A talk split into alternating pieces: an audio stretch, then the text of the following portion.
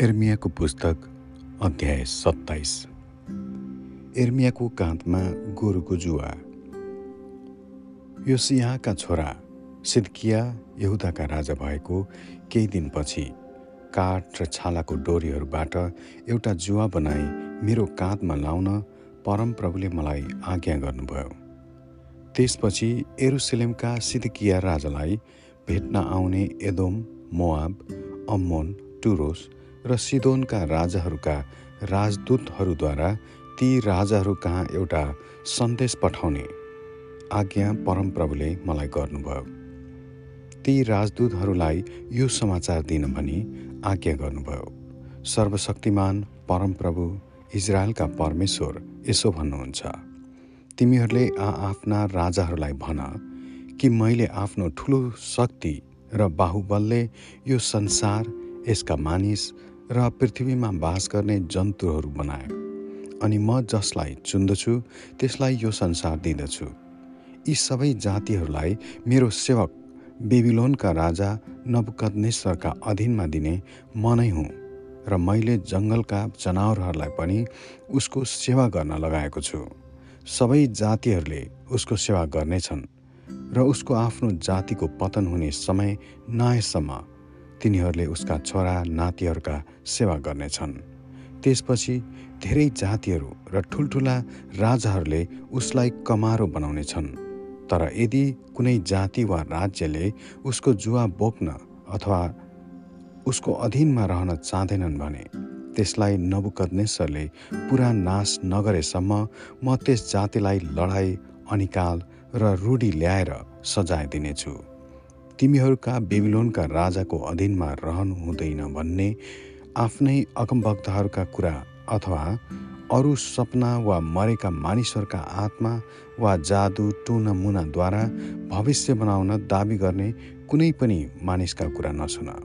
तिनीहरूले तिमीहरूलाई झुटा कुरा भन्दैछन् र त्यसको नतिजा चाहिँ तिमीहरू आफ्नो देशबाट अन्यत्र लगिनेछौ। म तिमीहरूलाई धपाउनेछु। र तिमीहरू नष्ट हुनेछौ। तर जुन जातिले बेबिलोनका राजाको जुवा बोक्न अर्थात् अधीनमा बस्न चाहन्छ त्यसलाई म आफ्नै देशमा बास गर्न र आफ्नो जमिन खनजोत गरी त्यसका अन्न खाइरहन दिनेछु। म परमप्रभु बोलेको छु। मैले त्यही कुरा यहुदाका राजा सिद्धकियाकलाई भने बेबिलोनका राजाको जुवा बोक्न अर्थात् उहाँको अधीनमा जान स्वीकार गर। तिनी र तिनका प्रजाको सेवा गर र तिमी बाँच्नेछौ किन तिमी र तिम्रा प्रजा लडाई अनिकाल वा रूढिकामा मरिन्छौ? बेबिलोनका राजाको अधीनमा नरहने जातिलाई त्यस्तै हुनेछ भनी परमप्रभुले भन्नुभएको छ। तिनका अधीनमा रहनु हुँदैन भन्ने अगमवक्ताहरूका कुरा नसुन। तिनीहरूले तिमीहरूलाई झुटा सल्लाह दिँदैछन्। परमप्रभु आफैले भन्नुभएको छ कि उहाँले तिनीहरूलाई पठाउनु भएको होइन र उहाँको नाउँमा तिनीहरूले तिमीहरूसित झुटा कुरा गर्दैछन्।